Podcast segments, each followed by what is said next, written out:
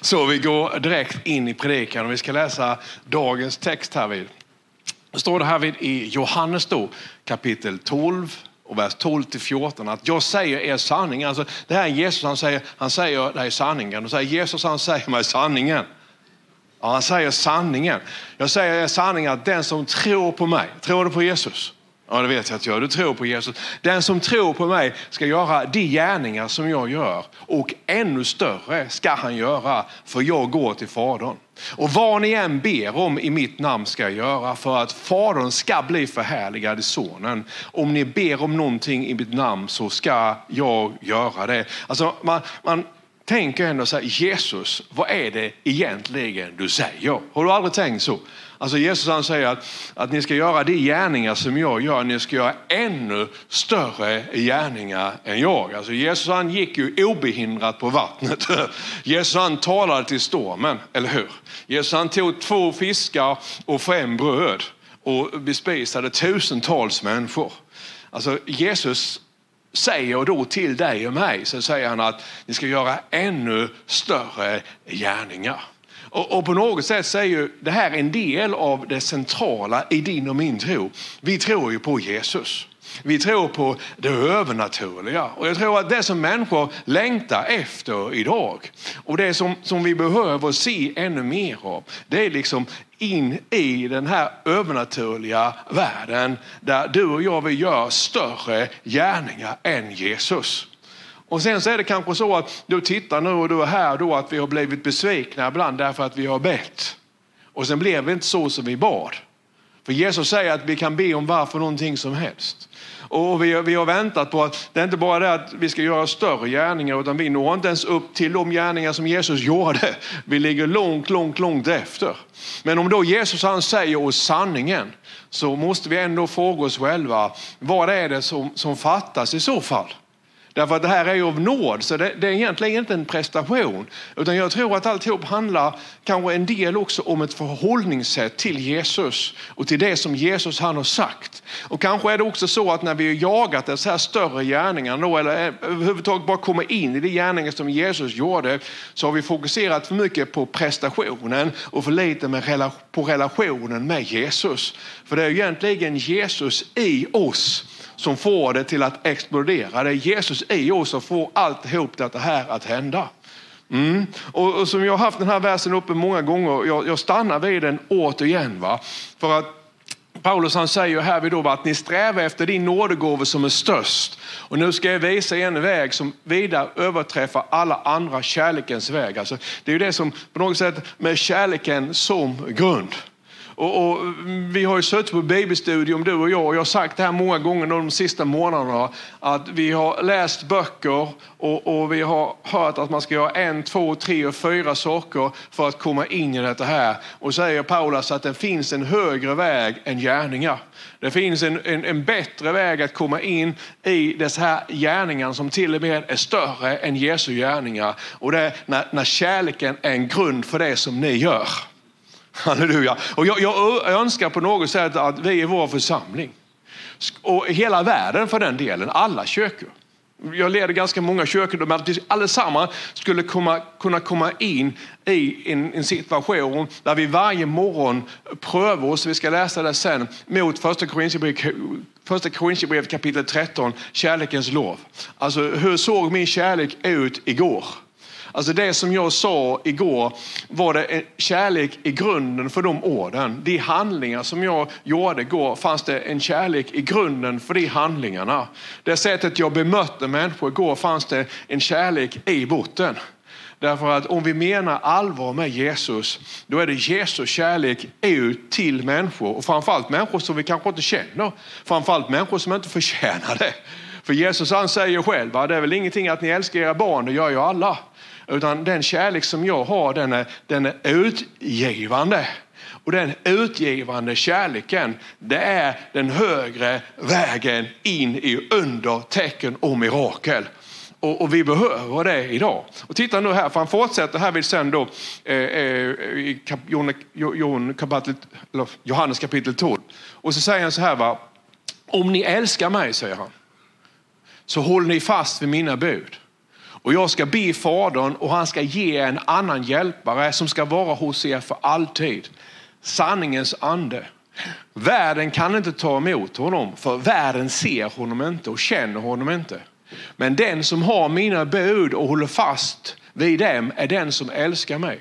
Och den som älskar mig ska bli älskad av min far och jag ska älska honom och uppenbara mig för honom. Alltså, för det första då att han ska ge oss en annan hjälpare. Och jag, det har jag tänkt på många gånger, jag har sagt det också många gånger. Alltså, vad kan vara bättre än att ha Jesus gående sida vid sida? Jag säger Jesus, jag, jag måste gå för att jag ska kunna sända någonting som är starkare, någonting som är mer, någonting som kan hjälpa er mer. Så att den heliga ande är alltså för mer än att ha Jesus likamligen här. Varför det då? Ja, därför att den heliga ande är på ett sätt Jesus på insidan i oss. Alltså i ditt och mitt hjärta. På insidan av dig och mig. Va? Och jag ska be Fadern och han ska ge en annan hjälpare. Nu ska inte jag hjälpa er, jag ska ge en annan hjälpare som ska vara hos er alltid, för alltid. Sanningens ande. Och just det här med att han är sanningens ande, tänk på det. Alltså det är sanningens ande. Vilket innebär att, att sanningens ande kan bara vara i det som är sanningen. Och Jesus han säger, min sanning ska sätta er fria. Vilket innebär då att det i mig som inte är sant, det fungerar inte tillsammans med den helige ande. Därför att den helige ande är ju sanningens ande. Så, så därför så, så, behöver du och jag vi liksom gå in i oss själva och fundera på vad som är riktigt och vad som är sant och spegla oss då med, med, med sanningens ande. Lyssna nu på mig för det här är lite djupare. Kan, kan vi ta det här? Det här är bra. Alltså för hela, hela Bibeln är ju utandad av den helige ande. Hela nya testamentet, är ut, det nya förbundet är utandat av den helige ande som är sanningens ande. Vilket innebär att, att när du och jag vi kommer in i sanningen som är, som, som är det skrivna ordet så kan den helige ande uppenbara sanning för dig och mig.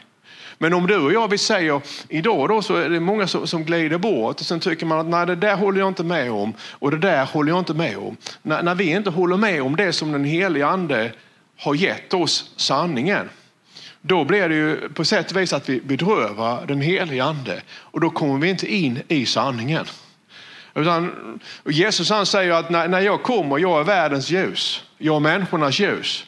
Men när ljuset skulle komma in, till, in i världen då, så ville inte människorna komma till ljuset. Varför ville inte människorna komma till ljuset? Jo, därför att deras gärningar var onda, eller hur? Så att vi måste våga komma dit. Och det tror jag att ni gör också, för ni är ärliga här. Där vi, där vi kommer och säger till Jesus, jag ställer mig i ljuset nu. Belys allt det som jag är. Och om det är någonting i mig som inte är sant, eller om det är någonting i mig som är mörker, så sätt lampan på den delen av mitt liv. Så att jag kan börja processen och ta bort det, eliminera det ifrån mitt liv. För jag vill att mitt liv ska spegla ditt ljus. Så att jag behöver en helig ande. För, det, alltså, för att vi ska komma in i dessa gärningarna som är större än Jesus så är det i kraft av den heliga ande. Det, det är det som är, i den heliga ande är den stora skillnaden. Så du och jag, vi behöver lära känna den helige ande. Lära känna den helige andes röst och bli ledda av den helige ande. Därför att du har den helige ande på insidan. Det handlar många gånger bara om att en del stänger av bruset. Därför det här, jag skrev en ny bok på, på, på engelska nu till, till vår församling i Utsova. Det som händer då, det är ju liksom sekulariseringens ande.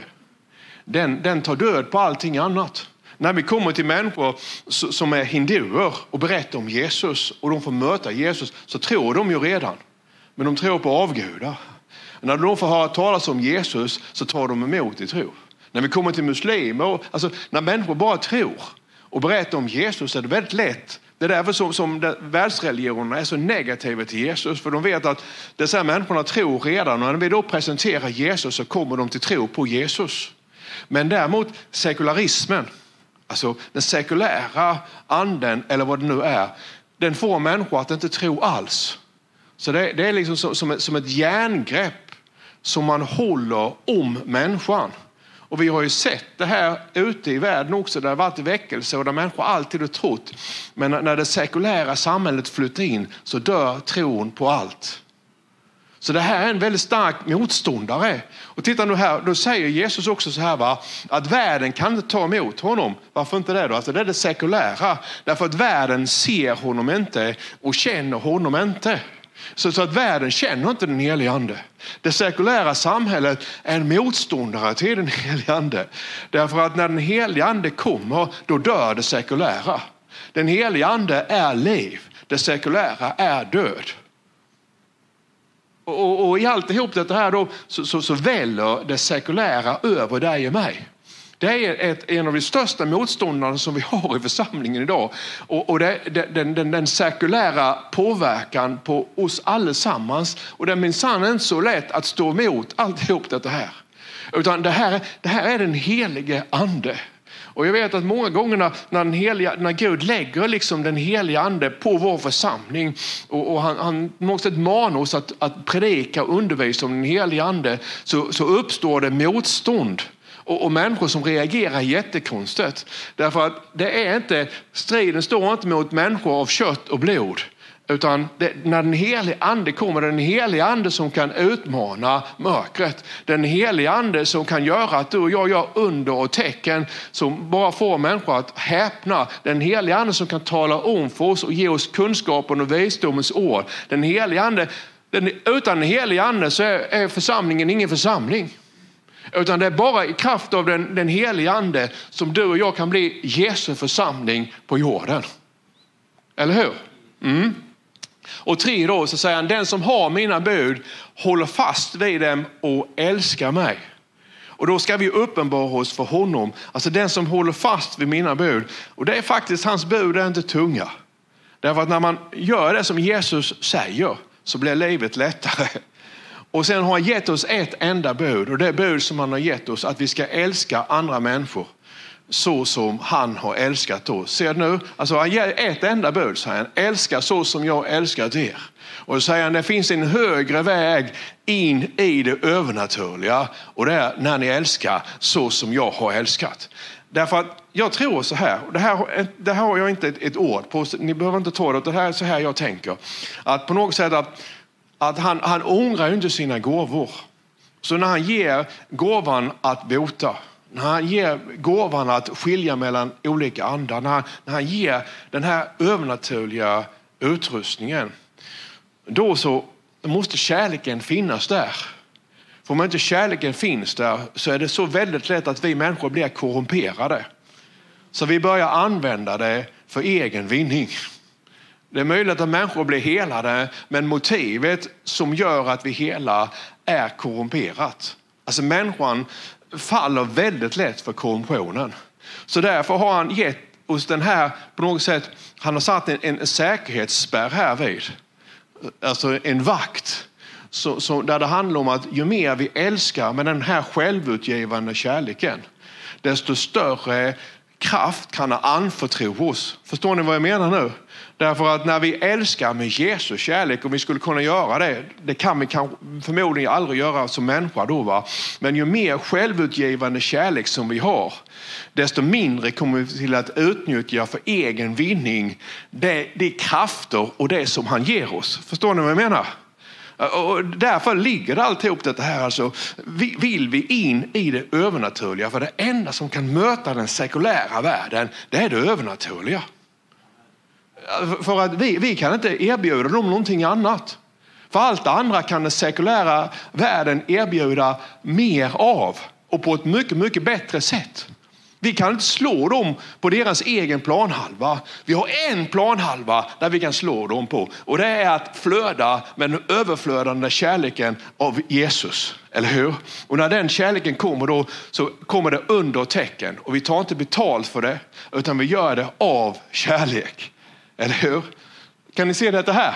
Och då så står det så här, och då så ska jag uppenbara mig för honom. Ser ni det alltså att, att han säger, titta nu här, om ni älskar mig och håller fast vid mina bud så ska jag be Fadern och han ska ge en annan hjälpare. Så när, när man då omvänder sig, jag sa ju det för några veckor sedan, va? att det, det liksom klickar över här och då blir man förlåten. Men för att man ska se Guds rike så, så på något sätt får man omvända sig så mycket så att man, man lever och ser Jesus. Eller hur? Den som inte blir född på nytt kan inte se Guds rike. Och, och han säger att när ni håller fast vid mina bud, för det är det som är problemet. Alla här, ni som tittar också, ni vill ju hålla Jesu bud. Det är ingen tvekan om det. Men problemet är ju inte att, vad vi vill, utan problemet är att hålla fast. Eller hur? Alla här vill ju älska.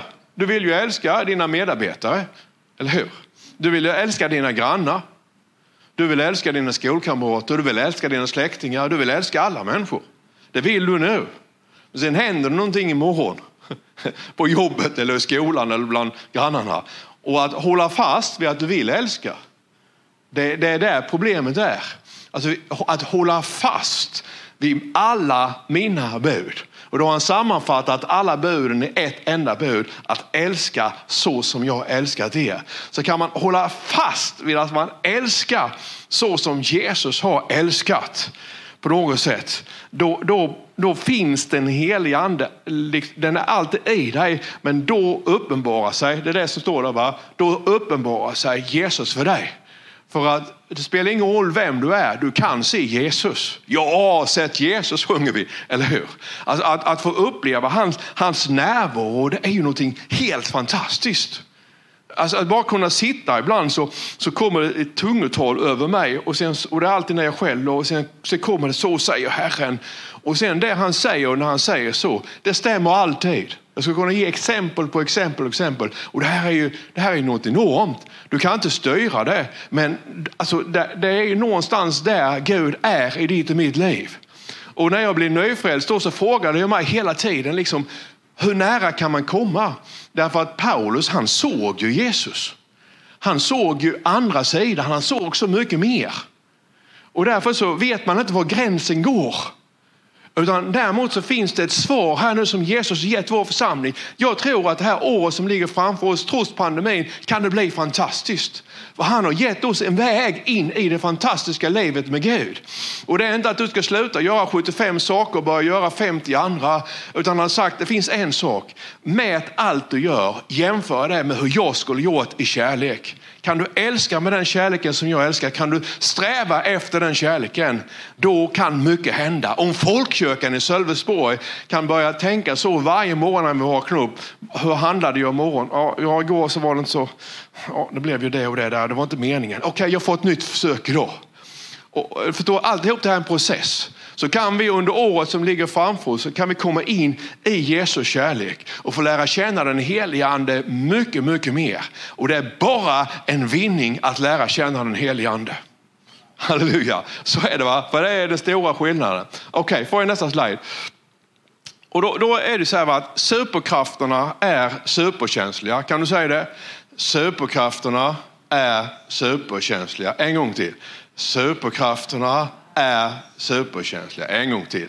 Superkrafterna är superkänsliga. Och ni hemma också. Superkrafterna är superkänsliga. Men denna skatt, säger Paulus då, har vi i lerköl för att den väldiga kraften ska vara Guds och inte komma från oss. Och så säger Paulus här i Efesierbrevet 4.30 att bedröva inte Guds heliga ande som ni fått som ett sigill för befrielsens dag. Alltså den heliga ande är ju i Jesu kärlek. Och den heliga ande är ju given av, alltså det finns ett syfte till varför vi har fått den heliga ande. Och när du och jag då lever tillsammans med Gud så, så är den heliga ande väldigt, väldigt känslig. Och det är det Paulus han sa. Paulus han, vet du, det bara sprutade, det var under, tecken i mirakel i hans tjänst. Alla möjliga saker skedde. Samtidigt som han utsattes för prövningar. Men han hade lärt sig det att, att oh, ibland när jag inte är riktigt i balans, ibland när jag blir vred, ibland när jag blir avundsjuk, ibland när jag blir arg, ibland när jag bara tänker på mig själv, då helt plötsligt så är inte kraften där. De gångerna jag tänkt att nu är jag Paulus den store, ja, då försvann kraften direkt. Och, och den heliga ande är i oss alltid. Men det är bara det att när kraften ska börja flöda så är kraften jättekänslig. Jag har ju predikat nu i 30 år och jag vet predikningar där den helige ande inte kommer. Och jag vet predikningar när den helige ande kommer. Jag vet vilka budskap som människor ibland kan komma och säga fantastiskt predikande då Tommy. Och det var kanske ett bra föredrag. Eh, det var kanske en bra helgelsepredikan när det gällde att klippa till några människor som du tyckte behövde höra detta. Men den helige ande fanns inte där. Den helige ande kommer liksom i en miljö där man predikar helgelse men ändå på ett speciellt sätt. Där Jesus blir synlig och där, där kärleken, alltså det, det, det, det, det, det det handlar om. Det handlar om Jesus kärlek hela, hela, hela tiden. Vi var på en Israelresa för många, många år sedan. Det var en EFS-präst eh, därvid och han var speciell den här människan. Eh, jag var ny pastor, jag har varit pastor bara några år. Då. du vet, varje gång han bad, för jag, jag älskade, alltså när vi avslutade samlingen bad jag alltid honom börja be. För när han bad, då, då föll den helige ande så det nästan gjorde ont på insidan. Jag har aldrig varit med om något liknande. Han var inget känt namn eller någonting sånt, men han, han hade liksom med Gud att göra. Han hade enorm kärlek. Och vi bad honom om han skulle be för vissa saker. Så sa hans fru, jaha nu tar det fem minuter till. Han hade en lång lista liksom, där han bad för människor. Därför att kärleken till människor, alltså han brydde sig om varje människa som led, varje människa som hade problem. Och när han bad då, amen, därför att det, det är det som behagar den helige ande. Alltså hur vi betraktar andra människor. Där kommer alltid den helige ande. Amen. Kan ni förstå det här? Ibland så tycker du och jag när vi gapar och skriker och, att det är det karismatiska. Det, det är inte karismatiska, det kan det vara. När vi, när vi trycker till ordentligt så här. Va? Men, men det är mycket, kan vara mycket själisk energi med som kommer från en, en duktig talare. Och så blev vi på humör och så blev vi glada. Och så går vi ut från gudstjänst och tyckte det var en fantastisk gudstjänst. Det kan det säkert inte varit. Och vi behöver den typen av uppmuntran också. Det är inte det jag säger. Men, men den heliga ande, att känna smörjelse av den heliga ande, det, det, det, är, det är något annat. Och det är det som är den stora skillnaden. Därför att jag vill, och jag tror du vill också, att vi på våra arbetsplatser idag, utan stora gester, lågmält och med stor kärlek, i skymundan utan att framhäva oss själva, bara ska kunna lägga händerna på en människa och säga att Gud rör dig nu. Och så hoppar de till och säger det gick en ström genom min kropp. Och så är de helade. Så säger vi ingenting mer. Vi behöver inte råvittna över eller de över någonting, bara går. Sen kommer det till att sköta sig själv. Du vet när Jesus han gjorde ett under så sa han till dem, säg det inte till någon. Alltså Jesus, eh, liksom, han, han, alltså undertecken berättar om sig själva. Eller kunna få ett visdomens ord som verkligen är ett visdomens ord. Alltså du bara liksom i det tysta säger att har du funderat, du behöver inte säga så säger Herren, utan du säger liksom, har du funderat på detta här? Jag tänkte på det nu. Du behöver inte säga det här kom till mig, utan bara jag tänkte på det här nu. Och så säger du kanske till din arbetskamrat eller till din granne eller så och säger, men hur kan du veta det? säger de. Alltså du vet ju ingenting om mig. Och så behöver du inte säga mer. För de vet att du är troende. Du vet att du har med Gud att göra. Han där uppe som de brukar säga ibland bara. Du som har med han där uppe att göra. Kan ni se det här? Det är ju det här vi längtar efter. Men vägen dit är inte att vi slåss och bråkar som kyrkan är bäst i världen på emellanåt. Vet, jag brukar säga att frikyrkan förnekar sig aldrig. Utan det är när kärleken får gå först. Så är det. Okej, okay? titta nu här då. Då säger Paulus så här. Får jag nästa slide. Att kärleken är tålig och mild. Alltså när jag var nyfrälst och ny pastor så, så jag, jag, kärlekens lov, jag läste aldrig det. Jag tyckte det höra hemma liksom någon annanstans, att det var romantiskt. Så jag har inte förstått innebörden av det här förrän jag har varit med lite längre. Alltså rätt mycket längre. Och jag ville ha mer, liksom, jag ville att det skulle vara ja, tryck och, och så här. Va? Men det här är ju vägen. Alltså det är märkligt hur man kan vara som människa egentligen. Håller ni med om det? Ja, och ni har aldrig tänkt så? Nej. Ja, men jag, det var ju så här, man ville bli superapostel och så här. Va? Och, och då tänkte man inte att kärlekens lov, det är sånt man läser på bröllop. Eller hur? tanter i röda klänningar med vita rosor står och läser dikten Kärlekens lov. Men det är ju det är så mjukt och fint. Det är ju det här som är svaret. Alltså tänk så fel man kan ha. Och ändå har det gått rätt så bra och det beror på Guds nåd. Alltså Gud är alltid större än oss människor. Eller hur? Kärleken är tålig och mild. Kärleken avundas inte. Den skryter inte. Har du skrutit någon gång? Ja, jag har skrytit en hel del alltså. Då kan man veta att det var ju inte kärlek. Eller hur? Den är inte uppblåst. Alltså första gången jag bad för en människa så att hon föll i golvet här så tänkte jag att nu har jag det. Nu har jag det.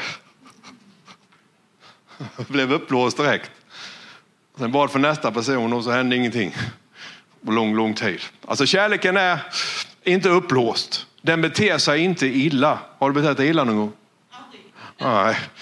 Den söker inte sitt. Jag kommer till det strax. Den brus, alltså det här jag gör problem med, brus upp alltså. Det får jag kämpa med fortfarande. Den brusar inte upp. Den tänker inte på det onda. Den gläder sig inte över orätten. Men gläds med, titta nu, den gläds med sanningen. Eller hur? Ja, den, a, a, a, den gläds med sanningen. Varför gläds kärleken med sanningen? Jo, vad var det vi läste? Vi talar om sanningens ande. Sanningens ande gläds med sanningen. Och mitt ord, säger Jesus, ska sätta er fria. Sanningen ska sätta er fria. Min sanning. Och, eller hur? Och kärleken gläds med sanningen. Hela skriften är utandad av den helige ande. Men när vi då inte vill ta till oss hela skriften utan få mer om det så det blir vår egen lilla privatreligiösa grej. Då är vi inte längre i sanningen och då bedrövar vi den helige ande. Mm. Alltså, den gläder sig inte över orätten men gläds med sanningen. Allt bär den. Oj, allt bär. Alltså, den, den som är stark i kärlek klarar att bära mycket problem. Det allt tror den, allt hoppas den, allt uthärdar den. Ibland så är det jobbigt, man får liksom bara uthärda i kärlek. Amen. Och det gör vi ju många gånger när det gäller våra barn. Har du tänkt på det? Men så ska vi vara mot alla människor. Men vi är, väldigt, vi, vi, vi uthärdar mer när det gäller våra barn än grannen. Men Jesus säger att vi ska uthärda lika mycket och vi uthärdar mer när det gäller våra barn, när det gäller församlingsmedlemmar. Pastorn, håller på att säga. Men i alla fall, alltså vi ska, vi ska ut kärleken uthärda. Kan du säga det? Kärleken uthärda. Ja, alltså, vi behöver härda ut och ge människor chans att förändras. Och så måste vi ge dem sanningen. Allt uthärdar den. När jag var barn så talade jag som ett barn. Tänkte som ett barn och förstod som ett barn. Men sedan jag blivit vuxen har jag lagt bort allt det barnsliga. Alltså, vi lever i alltså det som man kallar för en narcissistisk kultur. Det, det är ett fint ord men det, det är väldigt mycket jag och mig och mitt. Och sociala medier då, vi lägger upp en bild och, många retuscherar bilderna och, så, och sen så jämför man med andra. Det blir väldigt, väldigt jag och mitt inspirerat. Hela livet är ju på det sättet idag. Och, och det går emot kärleken därför att kärleken söker inte sitt. Alltså hur kan jag på något sätt få synas i församlingen? Hur, hur, kan jag komma till min rätt? Hur kan jag? Hur kan jag? Men du vet att Jesu kärlek handlar inte om vad jag ska göra i församlingen. Utan Jesus kärlek handlar om vad jag kan göra för andra människor i församlingen. Jesus kärlek handlar inte om vad församlingen kan göra för mig. Utan Jesus kärlek handlar om hur jag kan betjäna och göra saker och ting för andra människor. Alltså Jesus kärlek söker inte sitt. Och där, där får man fundera på vilket motiv har jag i det som jag gör i kyrkan. Söker jag mitt eller söker jag de andras bästa? Alltså när jag predikar för dig här idag, söker jag mitt eller söker jag det bästa för dig? Och då kan det vara så att, att ibland så predikar man kanske ett budskap som man vet att det här kommer några att reagera på. Men om jag inte söker mitt utan jag söker ditt, då kanske jag predikar det i alla fall. Trots att jag vet att jag får motstånd. Trots att jag vet att folk kommer till att tycka både det ena och det andra. Därför att jag vet att det här är det bästa för dem. Och då får de kritisera mig för det. Alltså det här, här är någonstans, där måste vi leva, att vi söker de andras bästa för att det gör kärleken. Så att under tecken, om du är frisk och så, det handlar inte om dig. Du söker inte ditt utan vi söker de andras bästa. Vi vill inte få nådegåvorna för vår egen skull, utan vi vill få nådegåvorna för de andras skull. Vi vill att den helige ande ska börja ge sig känna och tala till oss, inte för att han hela tiden ska hjälpa oss och vi ska bli större och bättre och upplåsta, utan den helige ande ska Hör ni vad jag sa nu? Alltså, vi vill att den helige ande ska komma för att vi ska kunna hjälpa andra människor på ett bättre sätt. Det här är, det är en helt annan inriktning än dagens samhälle som är inriktat på helig ande. Hur kan du hjälpa mig att bli större, bli rikare, bli mer framgångsrik, kunna köpa mer liksom med kapitalvaror. Hur, kan du hjälpa mig alltihop det här? Så säger helig ande, jag är inte så intresserad av det. Bär varandra där vi uthärdar och tänker oss in i de andra människornas situation. För det är det som är väldigt, väldigt viktigt. Kan, kan du lyssna på mig nu? Därför att i norra Indien nu så är det två stycken av våra församlingsplanterare. Eh, den ena hade suttit i fängelse i tre månader. Jag förstår inte hur Gud tänker alltid. Jag ska ta upp det med honom en gång i framtiden. Och nu då så, så hade de varit ute för en motorcykelolycka i norra Indien. De är från Nepal. Och så bägge två bröt bägge benen. Och det var ganska så, så svåra benbrott.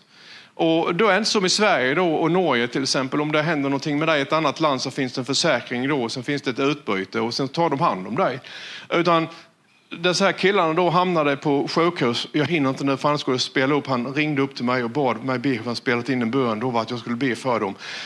Och då så, när de precis hade lappat ihop honom så hade de lagt ut honom på gatan från sjukhuset.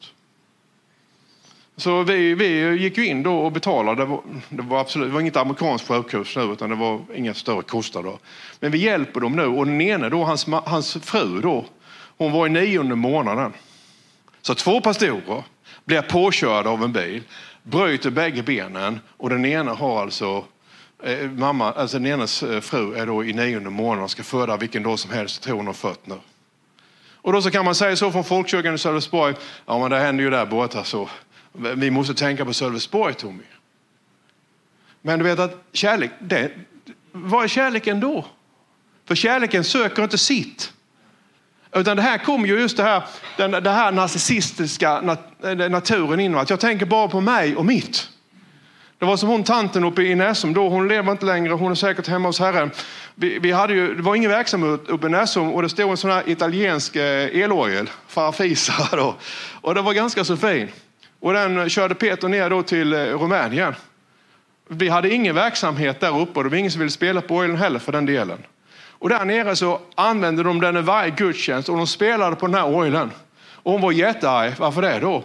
Därför att vi hade gett båten. Hon hade skänkt orgeln till kapellet i Näsum och vi hade då skänkt den till Rumänien och där kom den till användning. Hon var oerhört irriterad över det här. Därför att det kommer inte henne till nytta.